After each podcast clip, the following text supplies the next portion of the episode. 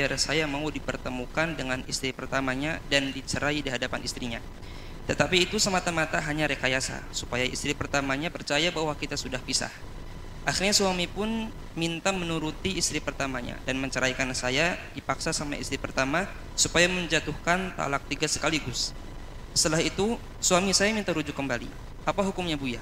Jika dia terpaksa karena istrinya mengucapkan jika dia terpaksa karena istrinya mengucapkan talak tiga sekaligus, apakah sah jatuh talak? Kemudian kejadian ini sudah dua kali Buya. Saya dibegitukan dicerai di hadapan istrinya, meski hanya pura-pura, biar istrinya percaya bahwa kita sudah pisah. Apakah saya hanya sebagai permainan suami saja Buya?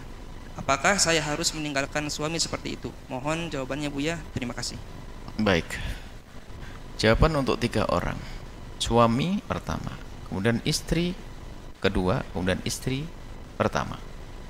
Untuk suami, hati-hati dengan istilah kalimat perceraian.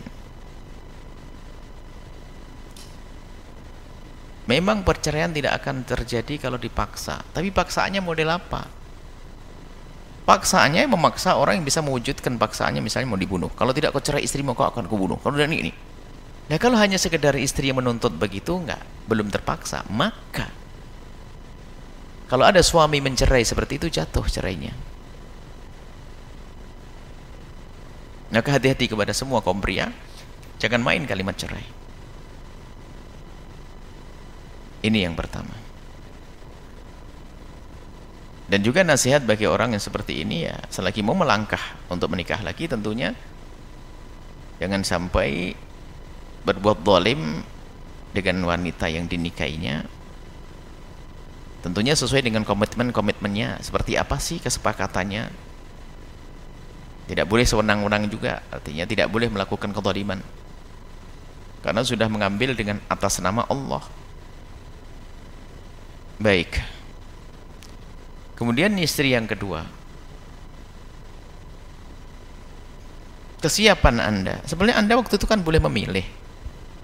Antara Anda mau dan tidak mau karena anda tahu dia sudah bersuami beristri.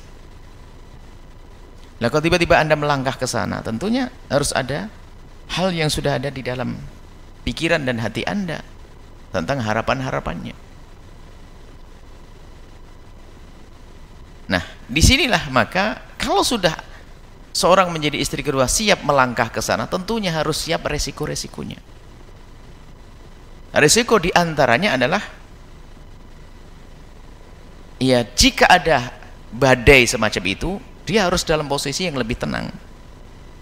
Karena apa pun bentuknya dia adalah dianggap seperti yang membuat badai. Karena padahal bisa jadi suaminya atau memang sebetulnya sama-sama membutuhkannya dan bisa jadi semuanya tidak salah. Akan tapi apa bentuknya sebagai istri yang kedua anda harus siap dengan bermacam kemungkinan-kemungkinan. Maka harus siap dengan ketabahan niat bukan untuk merusak keluarga keluarga yang pertama. Niat bahkan niatkan barangkali bisa menyempurnakan. Niat yang baik jangan sampai niat yang jelek. Kalau niat jelek Masya Allah karena mungkin laki-laki itu adalah laki-laki sukses. Kan ada banyak. Kisah perempuan mengejar seorang laki-laki ternyata karena laki-laki dianggap sukses. Dia seorang kaya dan sebagainya. Ternyata yang diinginkan kekayaannya. Maka baru nikah seminggu sudah sudah memprovokasi suami untuk tidak ke istrinya dan sebagainya. Memang perempuan jahat ini masuk ke rumah maka suaminya salah juga mengambil perempuan seperti ini. Nah ini salah mengambil perempuan yang jahat dimasukkan ke rumahnya. Sehingga menjadi sebab permasalahan di dalam rumahnya atau dinikahi. Baik. Jika istri kedua ini adalah sudah tahu bahasanya suaminya sudah punya istri maka dia harus kemungkinan-kemungkinan. Dan kesiapan. Bahkan alangkah banyaknya suami berani menikah dengan istri kedua karena ada harapan-harapan yang diberikan oleh istri yang kedua. Bahkan mungkin laki-laki itu tidak berani kecuali memang ada harapan. Misalnya apa? Karena mungkin sungguh sungguh atau berbohong ini babnya beda. Ah, babnya ah, ini bukan urusan itu. Bisa saja seorang wanita itu mengatakan bang saya hanya perlu ketenangan saja. Atau suai laki-laki yang penting aku itu terjaga sudahlah dan mungkin dia benar-benar seperti itu. Yang penting aku terjaga supaya orang tidak mengganggu saya. Saya punya suami yang halal untuk ngobrol sebagainya. Bahkan ada yang berani berkata bahwasanya biarpun saya hanya didatangi sebulan sekali dan sebagainya saya mau. Lah ini gara-gara omongan begini seorang laki-laki menjadi berani. Semula dia nggak berani. Karena apa? Dia harus urusan ini. Akan tapi di saat seperti itu sementara sang sang laki-laki punya keinginan juga sebetulnya ini sudah gayung bersambut. Dengan cara semacam ini kalau tidak ada wanita yang seperti ini mungkin dia juga tidak berani melangkah ke sana. Artinya seorang wanita istri kedua ini memang harus dengan segala konsekuensi konsekuensinya, konsekuensinya segala akibatnya harus bisa nerima niatnya baik karena Allah bukan niat dunia. Lihat nanti Allah akan berikan segala kebaikan. Maka kembali yang bertanya sudah tata hati anda kalau menjadi istri kedua niatnya baik karena Allah bukan niat merusak rumah tangganya orang bukan karena tamak dengan dunianya bahkan mungkin karena anda melihat dia orang baik anda ingin mendapatkan kebaikannya untuk bisa bisa menjadi anda wanita baik itu adalah sah-sah saja wanita semacam itu Biarpun sebetulnya Anda bisa saja mau mengambil keputusan tidak karena milih yang yang sendirian. Sah. Tapi setelah Anda memilih di sini harus Anda punya persiapan. Bisa jadi suatu ketika istri pertama akan marah. Di saat istri pertama marah, Anda harus memposisikan sebagai orang yang merasa bersalah. Jangan lalu berkata, kan kita punya hak sama. Itu kesombongan menjadi tambah marah sana. Dengan kelembutan, dengan baik dan seterusnya. Baik, ini nasihat untuk istri kedua Jangan membuat ulah, akhirnya harus menambahkan, meningkatkan sikap kesabaran. Nanti Allah akan berikan, asalkan karena Allah semuanya. Apalagi tujuannya saya ingin cari halal, saya ingin apalagi mungkin dia macam-macam harapan-harapan kemuliaan sah saja wanita semacam ini.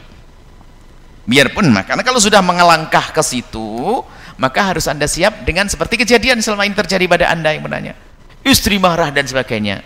Maka Anda di saat semacam itu bagaimana meyakinkan kepada sang suami bahasanya anda aman-aman saja seandainya untuk sementara suami tidak bertemu dengan anda atau apa. Anda bantu suami anda yang sudah terlanjur menikah dengan anda agar suami anda tenang. Jangan malah semacam buat permusuhan dengan istri pertama ini adalah problem. Nah, kemudian setelah itu istri yang pertama di saat sudah ada kejadian ini kejadian kan sudah terjadi. Maka pun semuanya sudah terjadi. Maka tidak ada perlunya anda membuat sebuah permusuhan juga. Kalaupun anda tidak bisa bertemu dengan istri yang kedua tidak bertemu nggak ada masalah. Tapi Nabi melarang bahwasanya seorang istri menyuruh suaminya mencerai istrinya tidak diperkenankan tidak diperkenankan. Seorang suami istri menyuruh. Apakah istri pertama itu istri kedua? Menyuruh suaminya mencerai madunya adalah haram. Dan dianggap dosa besar. Semuanya sudah terjadi tinggal sama-sama menata hati. Berdoa yang baik.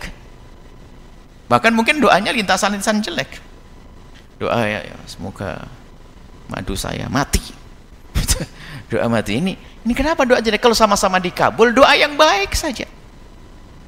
Jadikan hati saya tenang dan bisa bahagia ya Allah dengan keadaan apa pun. Selesai. Doa dikabul kok. Tinggal doa ya Allah berikan pada saya kebahagiaan dengan cara yang engkau lebih tahu ya Allah. Apakah harus berpisah? Apa ini? Minta seperti itu. Jangan doa yang jelek. Baik, ini adalah kalau kondisi ini pasti tetap problem ada. Ya jangan terlalu kadang-kadang ya. Memanas-manasi. Pasang DP istri kedua pasang DP yang macam-macam bahkan nggak dikasih suami bilang aduh bang terima kasih atas hadiahnya. Padahal nggak sih hadiah manas-manas sih so ngajak. Ingin ngajak perang ini ini banyak ini. Akan tapi karena ini adalah urusan dengan manusia yang bisa saja dengan ini semua menjadi bermusuhan dengan Allah dimurkai Allah maka hendaknya waspada semuanya di istri kedua waspada istri pertama waspada suami waspada. Kemudian lebih dari itu kami ingatkan kepada para suami itulah problematika di dalam nikah dua dan tiga. Maka dari itu tidak akan melangkah ke sana kecuali memang harus ada ada keyakinan atau perkesiapan. Dan jangan main-main maksudnya. Jangan main-main pernikahan hanya sekedar untuk karena ada pernikahan hanya sekedar keren-kerenan saja naudzubillah sehingga poligami jadi mainan kalau ketemu temannya ya Ustadz mobilnya dua, istrinya satu. Kan ngapain kok pernikahan poligami jadi guyonan? Ustadz ini anu ini isinya ah, poligami jangan bikin guyonan. Poligami itu dihadirkan untuk solusi. dan sebuah kemuliaan seperti nikah satu kemuliaan, nikah dua kemuliaan, nikah tiga kemuliaan karena ini ajaran Nabi. Jangan dijadikan bahan guyonan. Setiap Anda mampu poligami tapi teman Anda belum tentu mampu loh ya. Jangan dikompori. Halo. Masa mulai kemarin ente nikahnya kan duluan ente dari saya. Saya sudah tiga, ente satu. Apa ini? Poligami kok dibikin main-main. Akhirnya orang nikah poligami dengan tanpa prosedur, tanpa ada dasar keimanan, hanya untuk sekedar bangga-banggaan, muncul kezaliman-kezaliman banyak di sana. Semoga Allah menjaga semuanya. Suami-suami dijaga oleh Allah. Para wanita dijaga oleh Allah. Yang suaminya istrinya satu, semoga bahagia. Yang sudah terlanjur punya istri dua, semoga Allah memberikan kebahagiaan dan menjaga tidak menjadi sebab permusuhan. Semoga indah semuanya dan tolong ya jangan rendahkan tentang syariat-syariat semacam ini. Wanita jangan mengingkari poligami, dan laki-laki jangan main-main tentang poligami wallahu a'lam bishawab